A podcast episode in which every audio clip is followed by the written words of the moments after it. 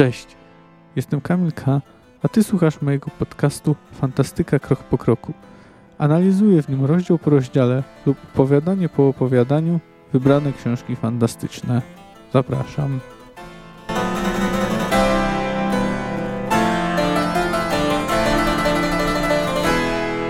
Cześć. E, witam Was już w kolejnym odcinku. E, dzisiaj zakończymy swoją przygodę z czasem pogardy. E, zrobię dzisiaj takie podsumowanie tej książki. No, jeśli chodzi o jej sposób konstrukcji, o fabułę, to rozwija ona wątki rozpoczęte w krwi elfów.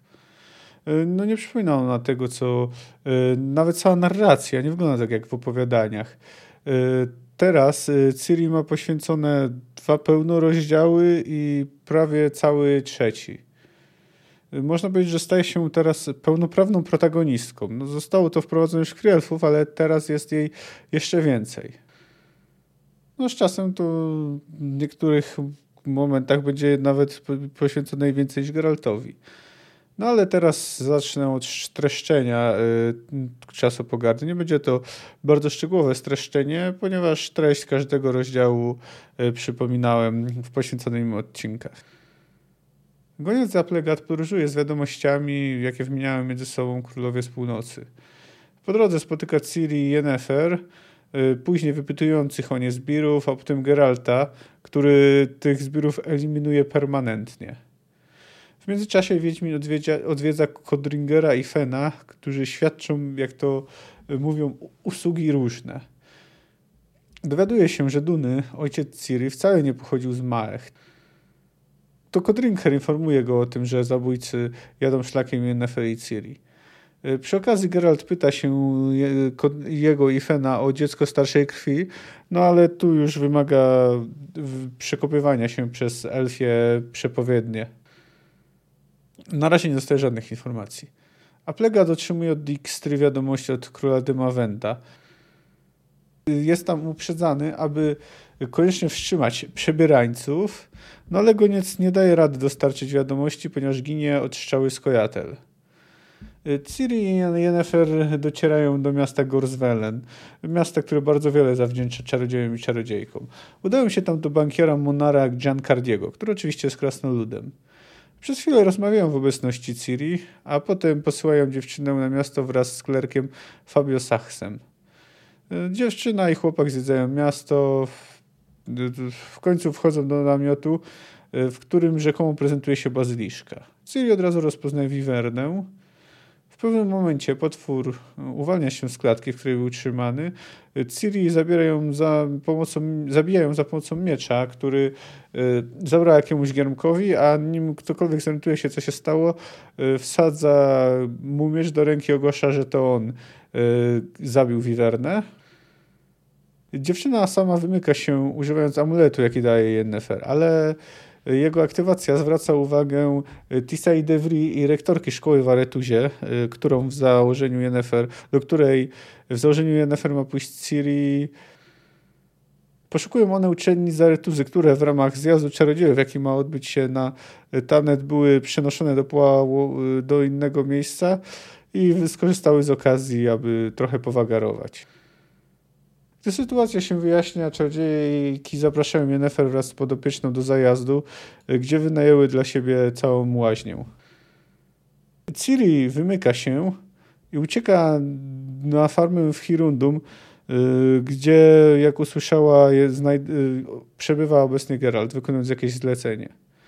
Po drodze ścigają dziki gon, y, który jest przegoniony przez teleportującą się Yennefer. Geralt i Yennefer rozmawiają długo i w końcu się godzą. Udają, godzą się na tyle, że, że Wiedźmin nawet zgadza się, aby po raz pierwszy e, udać się z nią na bal czarodziejów, e, który odbywa się na wyspie e, Tanet. No, znajduje się ona w pobliżu Gorswellen. W jej trakcie różne czarodziejki i czarodzieje zaczepiają Geralta, nie tylko oni, bo także Dijkstra. Y, no w każdym razie później y, Wiedźmin jest zaproszony na rozmowę przez jednego z najważniejszych czarodziejów, a może nawet najważniejszego, architekta zwycięstwa pod Soden, Wilgefortza Zorogeven. Wilgefort toczy z nim drugą rozmowę, w końcu proponuje mu sojusz. Ostrzega go, że wkrótce dojdzie do ostrej walki, i że jeśli nie stanie po zwycięskiej stronie, no to na zawsze utraci Ciri. Jennefer, z którą spędza noc, uspokaja go. Mówi mu, że Warytuzie nie będzie jej nic grozić. W nocy Wiedźmin budzi się i idzie się wypróżnić. Wrac wracając słyszy jakiś hałas, jest mimowolnym świadkiem przewrotu. Yy, aresztowany, jest Artaud, te, aresztowani są Arta Teranowa, a także Francesca Findber. Yy, spiskiem kieruje Fran yy, Filipa Eilhart, yy, która oskarża Wilgefortza wraz z jego sojusznikami o współpracę z Nilfgaardem. Filipa Eilhart wysyła Geralta wraz z Dijkstrom. Szpieg wyjawia mu, że chce, aby poprosił Mar Margaretę Lowentil o wydanie mu Ciri. No, Geralt nie ma na to ochoty, zaczyna bić Dijkstrę wraz z towarzyszącymi mu zbirami. Na końcu łamie szpiegowi nogę. W międzyczasie Jaskier dostarcza mu miecze jego i Ciri. Geralt y, chce się dostać do pałacu Garstang, bo tam właśnie Filipa rozkazała zabrać e, zdrajców, i, a także sprowadzić neutralnych magów, aby wszystko ustalić. E, za pierwszym razem musi się cofnąć, bo jak się okazuje na wyspę sprowadzono skojatel. E, wpada na niego uciekający Doregaraj, który dostaje szczelem w, szczelem w, w krtani. Kolejny neutralny czarodziej rozwala most. Za drugim razem spada mu na głowę Keira Metz. Dowiaduje się od niej, co się stało. Chociaż początkowo wydawało się, że wszystko idzie zgodnie ze planem spis z planem spiskowców, no to jednak nie wszystko jest takie proste, bo Tisaya Devry nie chce zaakceptować tego, co zrobiła. W pewnym momencie na scenę wchodzi Yennefer, sprawdzoną w Transcili. Dziewczyna mówi, że wojska Lyry i Edirn zaatakowały Nilfgaard, a ten odpowiedział wkraczeniem armii na ich tereny. Dodatek zamordowany został król Redanii Wizimir. Dalszy przebieg wypadków znamy w zarysie, ale w każdym razie w pewnym momencie Tisaya Devry e, zdjęła nałożoną w pałacu blokadę, a także odblokowała dwimeryt, jaki nałożeni mieli spiskowcy, bo to jest e, materiał, który tłumi zdolności magiczne.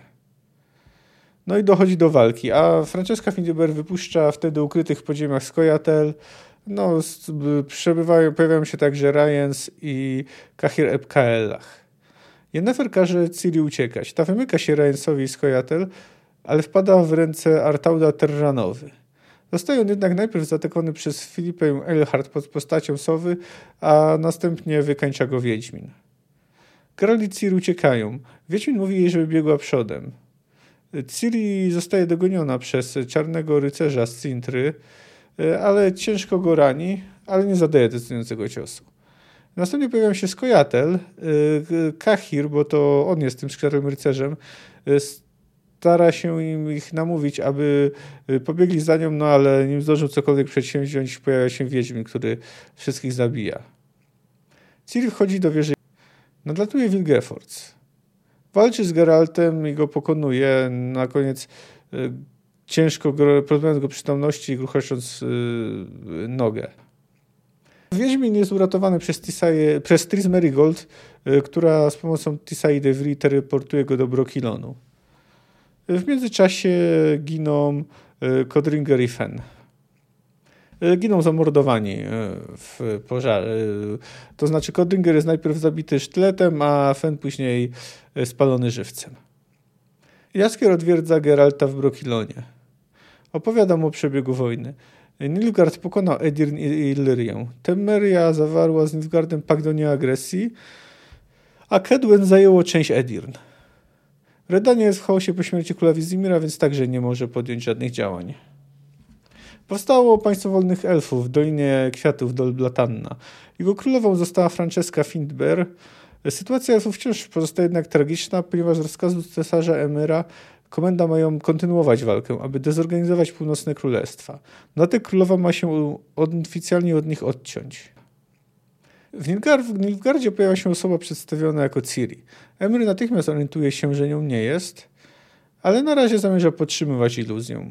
Poleca sławnemu astrologowi odnalezienie Ciri, Cyrilli, no a także Watir Derideo, czyli szef szpiegów, dostaje polecenie znalezienia y, Kahira, i dostarczenie go, a także a, a Stefan Skeller ma znaleźć siedzibę Wilgefortza.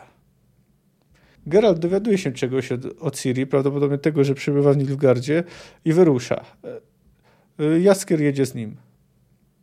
Jak się okazuje, prawdziwa Ciri wylądowała na pustyni.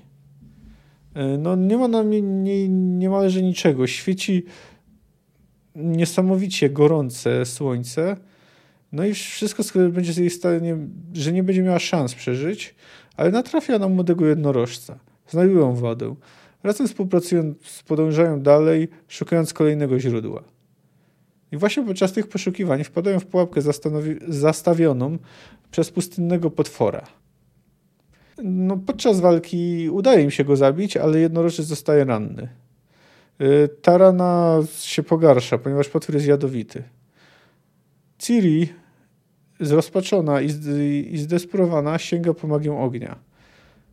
Y, udaje jej się przyzwać deszcz, jak i udaje jej się uleczyć y, jednorożca.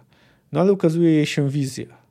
Widzi w niej młodą, czarnowłosą kobietę. To Falka. Zachęcona Ciri by odpłaciła wszystkim za całe zło, jakie zostało jej wyrządzone.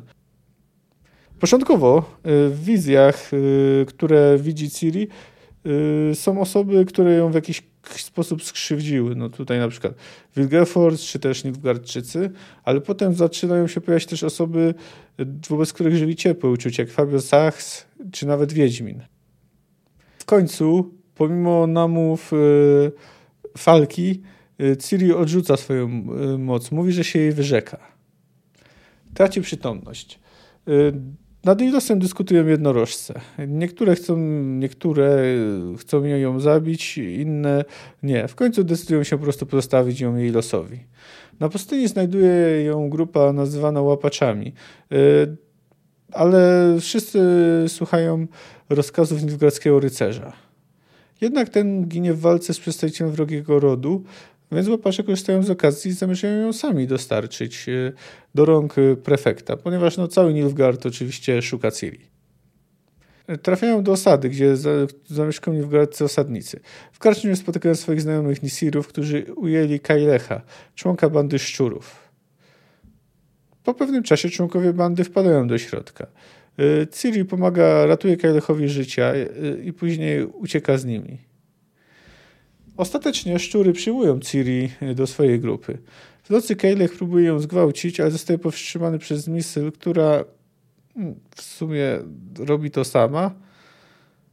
Rano Ciri idzie się umyć. Płacze, ale czuje też, że w końcu nie jest już samotna. Na sam koniec y, Stefan Skellen rozmawia z, z prefektem, y, któremu żołnierz, który przeżył atak szczurów, opowiada o tym, że teraz szczurów jest siódemka. Prefekt chce, by może na wszelki wypadek zachować siódmą dziewczynę przy życiu, ale Stefan Skellen mówi, że nie, że trzeba za zabić wszystkich. Pierwsza myśl, jaka mi przychodzi na temat czasu jest to, że to jest książka dość nierówna. Generalnie początek i takie stopniowe budowanie napięcia, zawiązywanie, czy też może raczej kontynuowanie kolejnych wątków z krwi elfów y, jest bardzo dobrze. I sam punkt kulminacyjny, którym jest zjazd na Tanet i przewrót, również moim zdaniem są znakomite. Natomiast dwa końcowe rozdziały, które opisują perypetie Ciri y, po tym, jak weszła w portal wieży Mewy, podobają mi się mniej. Uważam, że są trochę za długie i chyba też gorzej napisane. No już w ostatnim rozdziale trochę mówiłem o tej scenie pomiędzy Mistel i Ciri. Próbuję jakoś omówić tę książkę, zwrócić uwagę na takie rzeczy, mm, które są według mnie istotne lub które mi się y, podobały lub zapadły w pamięć. Y, może zacznę od jakichś tam relacji, od postaci i relacji pomiędzy nimi. Y, no jak chodzi o samą relację Ciri i Geralt, to jej nie ma w tym sensie, że oni ze sobą spędzają bardzo niewiele czasu. Natomiast Ciri odgrywa tą kluczową rolę pośrednika w ponownym zawiązaniu się związku między Wiedźminą i Czarodziejką. I to można powiedzieć, że ona jakby bierze ich y, relacje na wyższy poziom, na poziom, na którym dotychczas nie była. Dochodzi do tego, że nawet nawzajem obydwoje na głos wyznają sobie miłość. Oczywiście oni obydwoje się kochali, no już wystarczy. Y, co do Wiedźmina to raczej chyba nie było wątpliwości. Natomiast Jennefer miała wątpliwości co jego uczuć, ale sama na przykład y, celowo podbijała stawkę za jego zlecenia. Y, ale dzięki Ciri, dzięki tej zyskanej córce, są w stanie y, jakby bardziej sobie zaufać, być wobec sobie bardziej otwarci. No i to jest właśnie ten zabieg, który zastosował Sapkowski. Zbudował taką iluzję, że w sumie może wszystko mogłoby być dobrze, a potem wszystko się wali. Wszystko. Zresztą no, można powiedzieć, że to jest właśnie schemat tej książki. To znaczy y, ten czas pogardy, tytułowy czas pogardy, to właśnie to robi. Zabiera ludziom wszystko. Y, tak właśnie na przykład powstała banda szczurów. Y, mieli swoje życia, no ale wojna i przemoc zabrały im je. No i oni później postanowili się za to mścić. No i te wspólne doświadczenia oczywiście ich w pewien sposób cementowały, a także podobne doświadczenia, jakie przeżyła Ciri, sprawiła, że szczury przyjęły ją e, do siebie.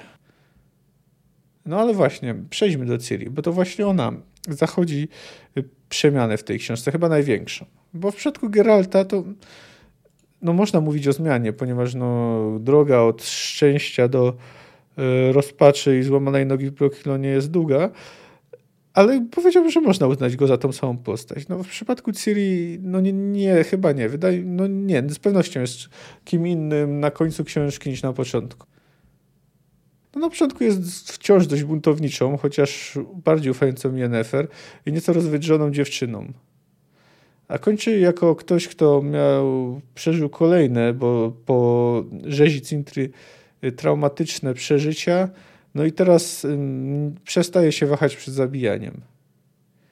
Nie jesteśmy może świadkami jeszcze pełnej jej przemiany w, no nazwijmy to falkę, ale możemy być świadkami tego procesu, który do tego prowadzi.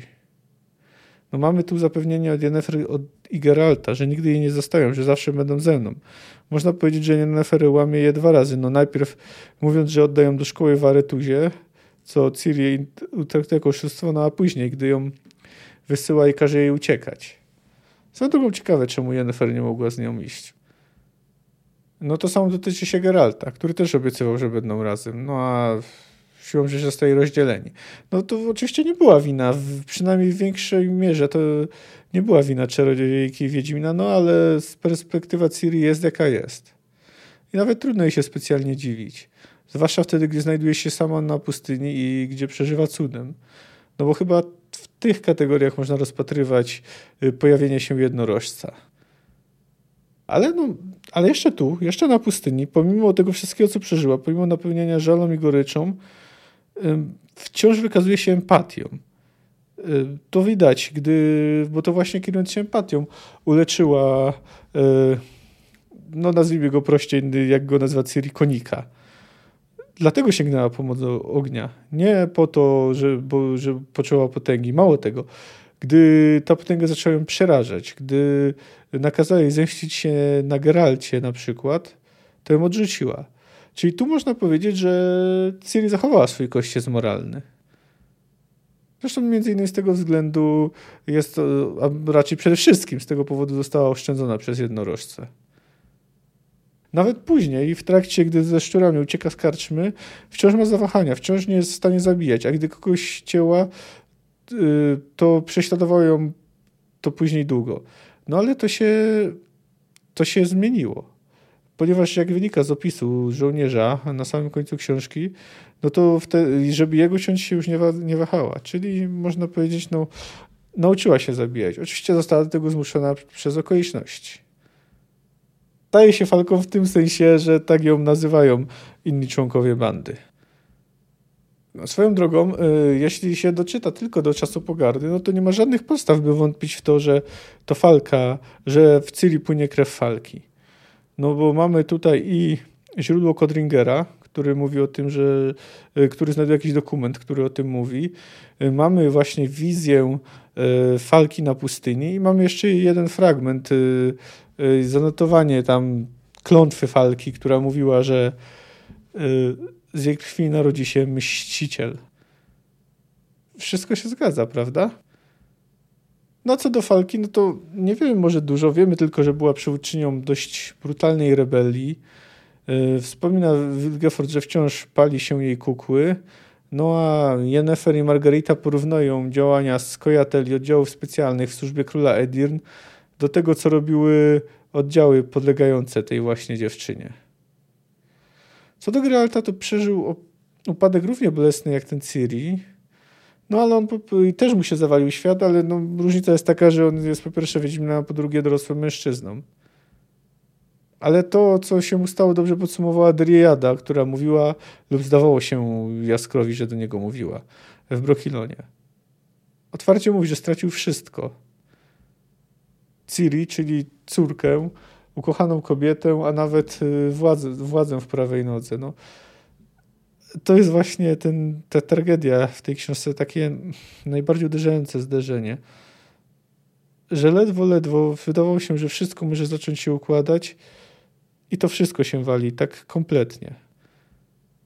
Ta decyzja o podążeniu, o próbie ratowania Ciri jest przecież szaleńcza, beznadziejna. Y, no, straceńcza misja. No, zwłaszcza, że nawet nie wiedzą tak naprawdę, gdzie jest.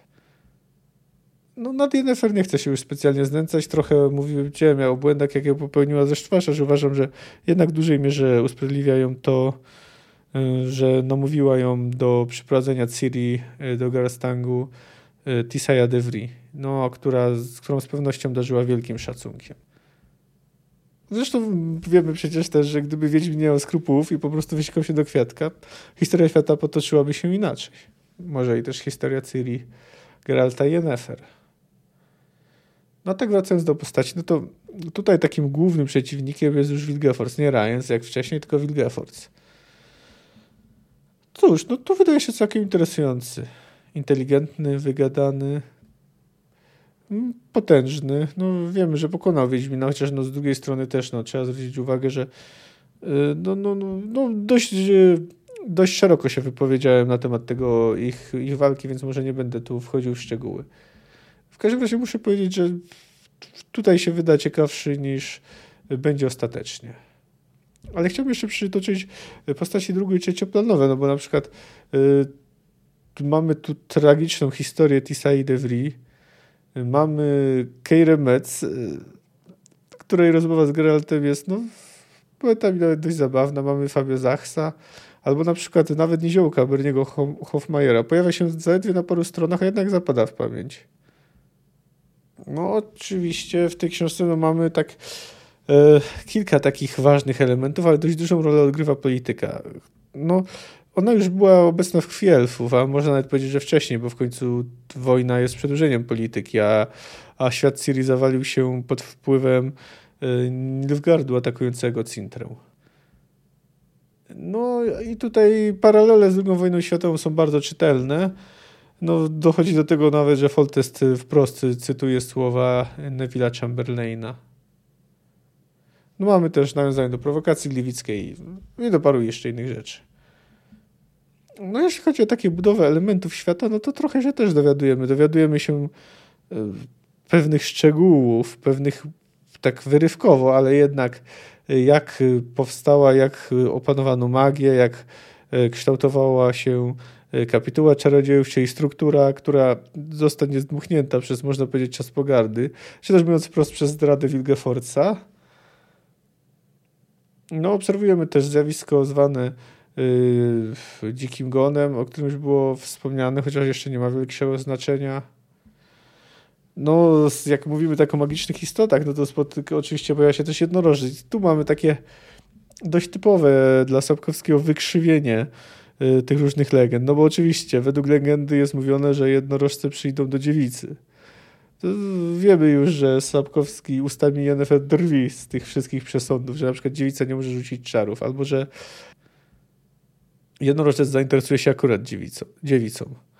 No, w, w ogóle widzimy, że te jednorożce to nie są tutaj takie jednoznaczne dobrze, dobre postaci, y, dobre stworzenia. No w końcu dość otwarcie debatują o zabiciu Ciri. I w sumie y, nie wiem, czy wszystkie są 100% przekonane do tego, by ją oszczędzić. No nie sposób nie wspomnieć o tragicznym losie elfów. Teoretycznie osiągnęli sukces. Mają swoje królestwo, swoją ziemię. No ale de facto nadal Francesca Findiber, pomimo tego, że jest królową, nadal jest na łasce i niełasce Emyra. i musi zgodzić się na śmierć y, elfiej młodzieży, czyli jedynej, która może jakby przedłużyć ich istnienie. No i tutaj jeszcze warto wspomnieć o takim zabiegu narracyjnym. E, gdy Jaskier e, opowiada w Brokilonie Geraltowi o tym, co się dzieje, co stało się, jak, jaki był przebieg wojny, no to narracja przenosi do osób to zaangażowanych. Więc jesteśmy na przykład na dworze w Temerii, gdy Foltest akceptuje propozycję Emyra dotyczącą rozejmu.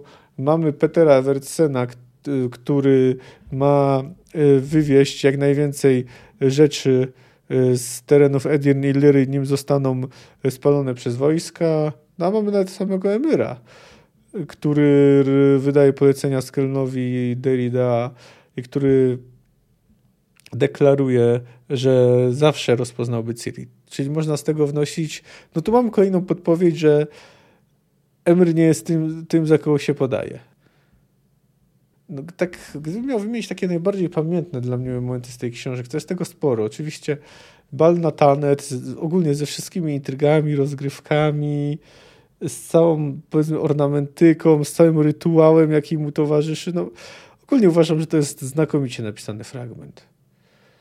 E, samobójstwo Tisai Devri. Ten moment, gdy czuje, że zawiodła zwykłych ludzi. No bo, co by nie mówić, to dość przyłożyła się do sukcesu Nilfgaardu, chociaż oczywiście nieświadomie. Walka Geralta z Wilgeforcem to kolejny jest, można powiedzieć, tragiczny, zły, niemiły, nieprzyjemny fragment, no ale jest dobrze napisany, co by nie mówić. No, rozmowa Geralta z Cordingerem i ich, powiedzmy, wymiana światopoglądów, no, czy też no, jest tam kilka takich uwag, które się pamięta, jak na przykład na stwierdzenie, że Geralta, że wybawia od pomocy głównie synów, bo mających kłopoty biedaków na nich nie stać, no to odpowiada, że biega, biedaków w ogóle na nich nie stać, bo dlatego właśnie są biedakami. No też ten opis, o którym już wspomniałem, Driariady opisujący Geralta w Blokilonie, jak to wszystko stracił. Yennefer yy, rozmawiająca z Molnarem i tutaj zwłaszcza mi pamięci ten fakt, że właśnie pomaga Geraltowi, to znaczy, że celowo podbija ceny jego zleceń. No to dla mnie dość jednoznacznie dowodzi, że nie ma wątpliwości co do uczuć czarodziejki wobec Geralta. Walka Geralta ze zbirami, którzy podążają za Yennefer zwłaszcza ta jego y, końcowa deklaracja, żeby y, kamraci tych, co zginęli, oglądali się za siebie. Zresztą przytoczę niedługo ten cytat. Emhyr deklarujący, że rozpozna prawdziwą Ciri nawet na końcu świata daje do myślenia. Jaskier opowiadający Ciri, o czym rozmawiają Gerald i Yennefer, raczej interpretujący, o czym rozmawiają, prawdopodobnie dość trafnie. E, no także rozmowa Jaskier i Berniego Hofmajera, no Hofmajera. Mamy tu takie na przykład zabawne momenty, jak to, że zainteresowany elektrycznością yy, syn Niziołka nazywa się Franklin. No, w pamięć zapada też śmierć Kodingera i Fena, zwłaszcza opis kota, który z pogardą patrzy na ludzi pędzących ku płomieniom. To jest taki bardzo koci uczynek. No i też na koniec Geralt, który gdy dowiaduje się o tym, co zrobił Henselt, yy, zaczyna rozumieć, że yy, zaczyna twierdzić, że neutralność jest zazwyczaj podła i że w ogóle wszyscy mieli rację w temacie yy, neutralności i skurwysyństwa tylko on, głupi anachroniczny Wiedźmin, nie miał racji. No jest to gorzkie, ale jest też i zapada w pamięć. Nim przejdę do podsumowania, no to poprzytaczam jeszcze może po cytacie z każdego z rozdziałów. Niekoniecznie są to najlepsze cytaty, ale te, co akurat e, wpadły mi w oko i które wybrałem. No, generalnie nigdy za wiele cytowania Sapkowskiego, ale gdybym miał wszystkie wartościowe cytaty przytoczyć, no to podejrzewam, że ten odcinek by tak no ze dwie godziny mógłby potrwać. Może nawet dłużej. No to zaczynamy. Nikt się nie poruszył, ani nie krzyknął. Do izby wszedł białowłosy. Miecz, który trzymał w ręku, zręcznie wsunął do pochwy na plecach. Zbliżył się do kontuaru, nawet spojrzeniem nie zaszczycając leżącego na podłodze trupa. Gospodarz skurczył się. Niedobrzy ludzie, powiedział chrapliwie białowłosy. Niedobrzy ludzie umarli. Gdy przyjedzie Bailiff, może się okazać, że była nagroda za ich głowy. Niech ją zrobi, co uważa za stosowne. Gospodarz skwapliwie pokiwał głową. Może się też zdarzyć, podjął po chwili białowłosy, że o, los tych niedobrych ludzi zapytają ich kamraci albo druchowie. Tym rzeknij, że pokąsał ich wilk, biały wilk. I dodaj, żeby często oglądali się za siebie. Pewnego dnia obejrzą się i zobaczą wilka. No, to zdanie jest, można powiedzieć, trochę nietypowe dla takiego, dla, dla Geralta, bo bardziej typowe dla takiego twardego, męskiego bohatera fantazy. No ale po pierwsze bardzo mi się podoba, no a po drugie pokazuje też determinację Wiedźmina, y, w, y, jego pragnienie, by ochronić Ciri. No to teraz y, drugi rozdział. Ha, powiedział Bernie Hofmeier. Coś mi się wtedy widzi, że w czasie tego zjazdu będzie Natanet łyskać i grzmieć nie gorzej niż w czas burzy. Możliwe, ale co to nas obchodzi? Ciebie nic, rzekł ponuro niziołek, bo ty jeno na lutni brzdąkasz i, i piejesz. Patrzysz na świat dokoła i tylko rymy widzisz i nuty. A nam tu jeno za ostatnią niedzielę konni dwa razy kapustę i rzepę kopytami stratowali. Wojsko goni za wiewiórkami, wiewiórki kluczą i zmykają, a jednym i drugim y, przez naszą kapustę droga wypada.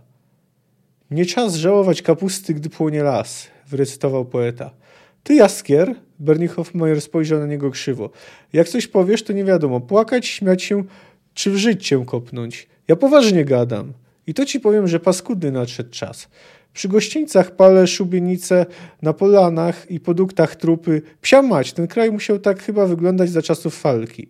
Jak tu żyć? W dzień przyjadą królewscy ludzie i grożą, że za pomaganie wiewiórkom wezmą nas w dyby. A na co zjawiają się elfy i spróbuj im pomocy odmówić. Zaraz poetycznie obiecują, że zobaczymy, jak noc przybiera czerwone oblicze. Tacy poetyczni są, że, się, że, się, że wyżygać się można. I tak nas wzięli dwa, w dwa ognie. Ogólnie bardzo lubię ten fragment. I to, to prawda, tą parafrazę Jaskra i reakcję Berniego, bo szczerze mówiąc to w tym kontekście zdecydowanie Jaskier zasłużył na kopniaka w tyłek. Podoba mi się także to, że Skojatel różni od ludzi króla tylko to, że są bardziej poetyczni, ponieważ de facto grożą tym samym. No dobrze, teraz przy, przypominamy bal na tanet. O, tu było z czego wybierać. Przyszedł czas, bym się zrehabilitowała. Jutro dam ci tego Ryansa. Nie przerywaj, nie rób min. To nie jest żaden zakład w stylu Dijkstry. To obietnica, a ja dotrzymuję obietnic. Nie, żadnych pytań, proszę. Zaczekaj do jutra. Teraz zaś skup, skupmy się na kawiorze i banalnych ploteczkach. Nie ma kawioru. Jedną chwilę. Rozejrzała się szybko, poruszyła dłonią i wymruczała zaklęcie – Srebrne naczynie w kształcie wygiętej w skoku ryby natychmiast wypełniło się ikrą zagrożonego wymarciem jesiotra łopatonosego. Wiedźmin uśmiechnął się. Można najść się iluzją? Nie, ale snobistyczny smak można nią mile połechtać. Skosztuj. Hmm, rzeczywiście. Zdaje mi się smaczniejszy niż prawdziwy. I nie tuczy, rzekła dumnie czarodziejka, skrapiając sokiem z cytryny kolejną kopiastą łyżeczkę kawioru. Czy mogę cię prosić o kieliszek białego wina? Służę, Filipa, słucham cię. Podobno konwenans e, zabrania rzucania tutaj zaklęć. Czy zatem nie byłoby bezpieczniej zamiast iluzji kawioru wyczarować iluzję samego smaku, samo wrażenie? Przecież potrafiłabyś. Oczywiście, że potrafiłabym. Filipa Eilhart spojrzała na niego przez kryształ kielicha. Konstrukcja takiego zaklęcia jest prostsza od konstrukcji cepa. Ale mając tylko wrażenie smaku, stracilibyśmy przyjemność, której dostarcza czynność. Proces, towarzyszące mu rytualne ruchy, gesty, towarzysząca temu procesowi rozmowa, kontakt oczu. Ucieszę cię dowcipnym porównaniem. Chcesz? Słucham, ciesząc się z wyprzedzeniem. Wrażenie orgazmu też umiałabym wyczarować. No, tak jak powiedziałem, tu było wiele cytatów do wyboru, to... a ta wypowiedź jest, no cóż, mocna. Na schody wbiegł zdyszany jaskier. Zobaczył, co się dzieje i zbladł jak papier. Geralt! wrzasnął po chwili. Ciri zniknęła. Nie ma jej. Spodziewałem się tego. Wiedźmin zdzielił kijem kolejnego redańczyka, niechcącego leżeć spokojnie. Ale dajesz na siebie czekać, jaskier. Mówiłem ci wczoraj, gdyby coś się stało, masz w dyrdy lecieć do aretuzy. Przyniosłeś mój miecz? Obydwa! Ten drugi to miecz Ciri, idioto. Geralt grzmotnął draba usiłującego wstać z zagawy. Nie znam się na mieczach, wysapał poeta. Na bogów, przestań ich tłuc. Nie widzisz rydańskich orłów? To ludzie króla Wizimira. To oznacza zdradę i bunt. Za to można trafić do lochu. Na szafot, zabełkotał Dijkstra, dobywając sztyletu i zbliżając się chwiejnym krokiem. Obaj pójdziecie na szafot. Więcej powiedzieć nie zdążył, bo upadł na czworaki, palnięty w, palnięty w bok głowy ułomkiem drzewca korseki. Łamanie kołem, ocenił ponuro Jaskier, poprzedzone szarpaniem gorącymi kleszczami. Wiedźmin kopnął szpiega w żebra. Dijkstra przewrócił się na bok jak ubity łoś. Ćwiartowanie, ocenił poeta. Przestań, Jaskier, dawaj oba miecze i zjeżdżaj stąd, ale szybko. Uciekaj z wyspy. Uciekaj jak najdalej. A ty? Wracam na górę. Muszę ratować Ciri. I Yennefer. Dijkstra, leż grzecznie i zostaw w spokoju sztylet. Nie ujdzie ci to płazem, wydyszał szpieg. Sprowadzę moich. Pójdę za tobą. Nie pójdziesz. Pójdę. Mam na pokładzie spadły pięćdziesięciu ludzi. A jest wśród nich Cyrulik? Hę? Geralt zaszedł szpiega od tyłu, schylił się, chwycił go za stopę, szarpnął i skręcił raptownie i bardzo mocno. Chrupnęło. Dijkstra zawył i zemdlał. Jaskier wrzasnął, jak gdyby, to nie był, jak gdyby to był jego własny staw. To, co zrobią mi po ćwiartowaniu, mruknął Wiedźmin, to już mnie mało obchodzi. Powiedziałbym, że ta scena jest taka dość typowa dla Sapkowskiego, bo z jednej strony mamy oczywiście scenę dość brutalną, ale z drugiej strony tak przedstawioną w nieco taki dowcipno-ironiczny sposób. No, gdy mamy to porównanie e, szpiega, który pada jak ubity łoś, czy ogólny sam ton tej rozmowy, i czy też to podsumowanie Geralta, albo Jaskier wymieniający kolejne kary. No, bardzo podoba mi się, bardzo podoba mi się ten dialog. No dobrze. E, swoją drogą ta cała sytuacja musiała też się spodobać e, e, ludziom z CD Projektu, skoro w zasadzie powtórzyli ją w Wiedźminie 3. No dobrze, no to dochodzimy już do piątego rozdziału. Wycofajmy komanda z Temery, Redeni i Kedwen, zaproponował białowłosy elf. Wycofajmy wszystkich walczących z ludźmi z Kojatel. Jesteś teraz królową, Enid. Oni posłuchają twego rozkazu. Teraz, gdy mamy już nasz własny spłachetek ziemi, ich walka nie ma sensu. Ich obowiązkiem jest teraz wrócić tu i bronić Doliny Kwiatów. Niech walczą jako wolny lud w obronie własnych granic, a teraz zginą jak rozbójnicy po lasach. Elfka opuściła głowę. Emir nie wyraża zgody, szepnęła. Komanda mają walczyć nadal. Dlaczego?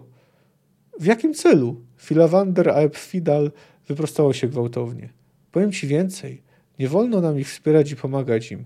To był warunek Foltesta i Henselta.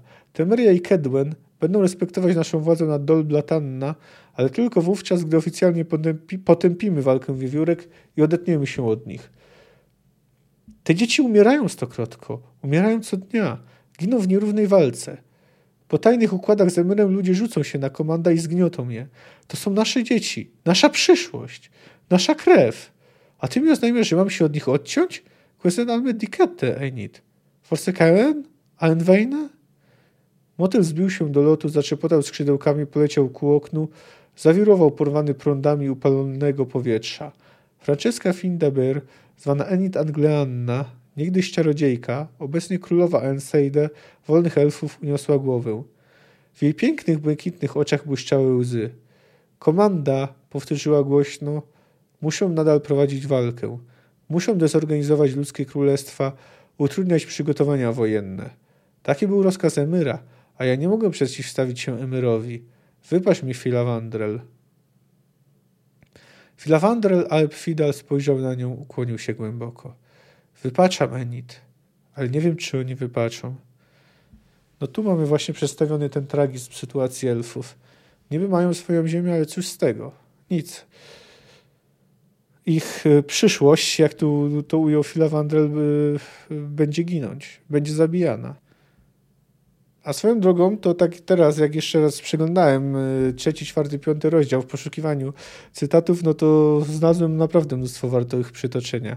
Ogólnie to tylko potwierdza, że te rozdziały są naprawdę znakomite. Naprawdę są, stoją na rewelacyjnym poziomie pod względem prozy, fabuły, no moim zdaniem to jest absolutnie światowa czołówka.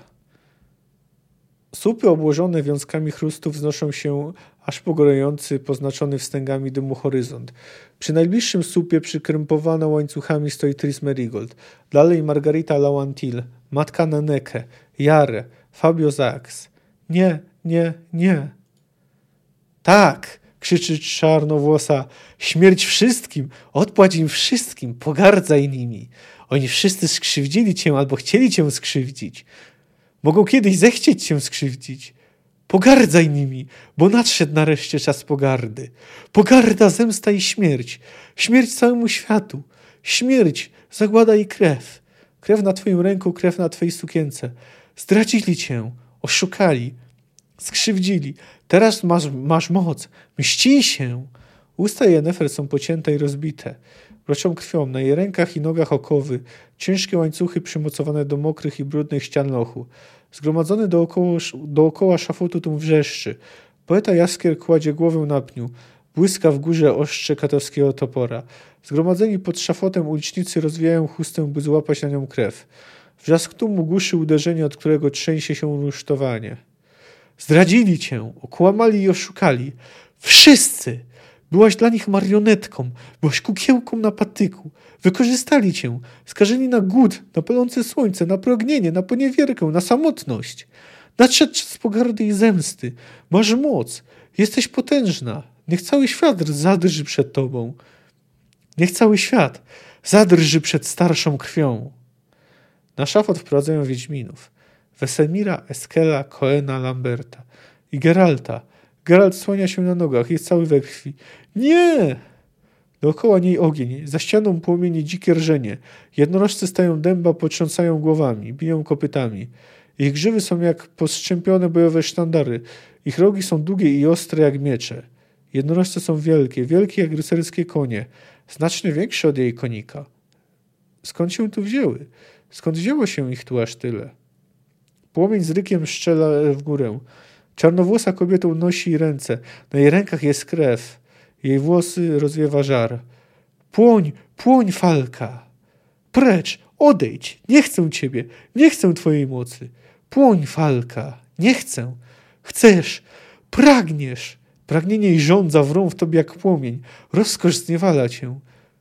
Tu jest potęga, tu jest moc, tu jest władza. To najrozkoszniejsza z rozkoszy świata. Błyskawica, grom, wiatr, łomot kopyt i rżenie szalejących dookoła ognia jednorożców. Nie chcę tej mocy, nie chcę, wyrzekam się jej. No, z tego rozdziału wybór miałem bardziej ograniczony, no ale mogłem się zdecydować na przykład na rozmowy jednorożców. No ale wydaje mi się, że wizja Ciri jest zbyt istotna, ponieważ to wyrzeczenie się przez nią mocy to jest bardzo kluczowy element i z takiego, można powiedzieć, technicznego punktu widzenia, ponieważ nie będzie mogła rzucać zaklęcia, a także z punktu widzenia jej rozwoju jako postaci. No niekoniecznie w dobrą stronę, no ale to już jest co innego. Z ostatnim rozdziałem zrobię trochę inaczej, ponieważ yy, każdy, kto słuchał poprzednich odcinków, wie, że zawsze zaczynałem od introdukcji, od yy, cytatu, który poprzedza jakby rozdział, no ale nie zrobiłem tego w poprzednim odcinku, więc postanowiłem nadrobić to niedopatrzenie. Zwłaszcza, że powiedzmy ten fragment jest trochę powiązany z tym, który przed chwilą przytoczyłem. Gdy podłożono ogień pod stos zbrodniarki i gdy ogarnęły ją płomienie, lżyć owa poczęła zebranych na placu rycerzy, baronów, czarodziejów i panów rajców, słowy tak okropnymi, że groza wszystkich przejęła. Choć wprzódy wilgotnymi jeno polany stos obłożono, by diablica nie szczezła zaż prędko i snadniej katuszy ognia zaznała, teraz czym prędzej rozkazano stuszu dorzucić i kaźń zakończyć – ale iście demon siedział w onej przeklętnicy, bo choć już skwierczała grzecznie, okrzyku boleści nie wydała, jeno straszliwsze jeszcze klątwy miotać jęła. Zrodzi się mściciel z mojej krwi, zakrzyknęła w głos. Zrodzi się ze skalanej, starszej krwi niszczyciel narodów i światów. On pomści mękę moją. Śmierć śmierdzi, pomsta wam wszystkim i pokoleniom waszym. Tyle jeno zdołała wykrzyczeć, nim zgorzała. Tak zginęła Falka, taką karę poniosła za przelaną krew niewinną. Roderick de Novembre, Historia Świata, tom drugi. Ten cytat trochę przypomina to, co mówił Kodrinker. Może nawet stąd to wziął, chociaż podejrzewam, że nie, bo mówił o dokumencie, a nie książce. No w każdym razie tu też mamy o tej skalanej krwi, o której wspominał. Swoją drugą tutaj jak mi się skojarzyły dwie inspiracje, takie powiedzmy historyczne. Rebelia Falki trochę mi przypomina, chociaż tutaj Falka była przecież, y, jak się dowiemy następnym razem, y, księżniczką. Ale przypomina mi trochę, wydaje mi się, że jej przebieg, ten, ta brutalność y, Przypomina mi trochę rzeź galicyjską. No wtedy chłop, w telegraficznym skrócie chłopi wtedy mordowali szlachtę pod przywództwem Jakuba Szeli. No te wydarzenia no, na, zapadły w pamięć, bo ich echa pobrzmiewają w Weselu Wyspiańskiego, no a na przykład też e, Jakubem Szelą i tymi zdarzeniami inspirował się tak z bliższych nam i gatunkowo, i bliższy nam i gatunkowo i czasowo Radek Rak. Ale jeśli chodzi o drugą inspirację, to trochę, e, nie wiem, to jest już takie zupełnie luźne skojarzenie, bo tutaj ona mówi, że śmierć, śmierć i pomsta wam wszystkim i pokoleniom waszym, to mi to trochę przypomina to, jak w Biblii y, po y, przy wydaniu wyroku na Chrystusa Tum krzyczy, że y, o Jezusie, że krew Jego na nas i na dzieci nasze, gdy Piłat mówi, że On nie ponosi winy za Jego śmierć. No ale to jest bardzo luźne skojarzenie. No warto też zauważyć na stylizację tego fragmentu. No tutaj widzimy wyraźnie takie trochę staropolską stylizacji, czyli nie mamy czym prędzej, tylko czym prędzej, albo nie wilgotnymi, tylko wilgotnymi. No dobrze, no to tak już yy, powoli kończąc, yy, no powiem tak, mam trochę zarzutów wobec tej książki. Generalnie yy, kilka rzeczy zbyt długich, zdecydowanie za dużo jest tu jednak o pustyni, bo tu dość szybko zaczyna się powtarzać. Ja wiem, że to na pustyni też tak jest, no ale jednak nie powinno się zanudzać czytelnika.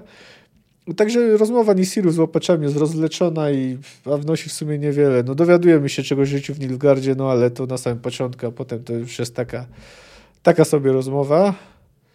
No i powiedziałbym, że to pozbawienie Ciri, to wyrzeczenie się przez Ciri magii jest trochę na siłę. Generalnie y, no, Sołkowski zrobił to, ponieważ y, tak byłaby zwyczajnie zbyt potężna. Po prostu trzeba było jej tą moc odebrać. No tak, to wyrzeczenie się jej no, jest w jakiś sposób, chociaż chyba nie najlepszy.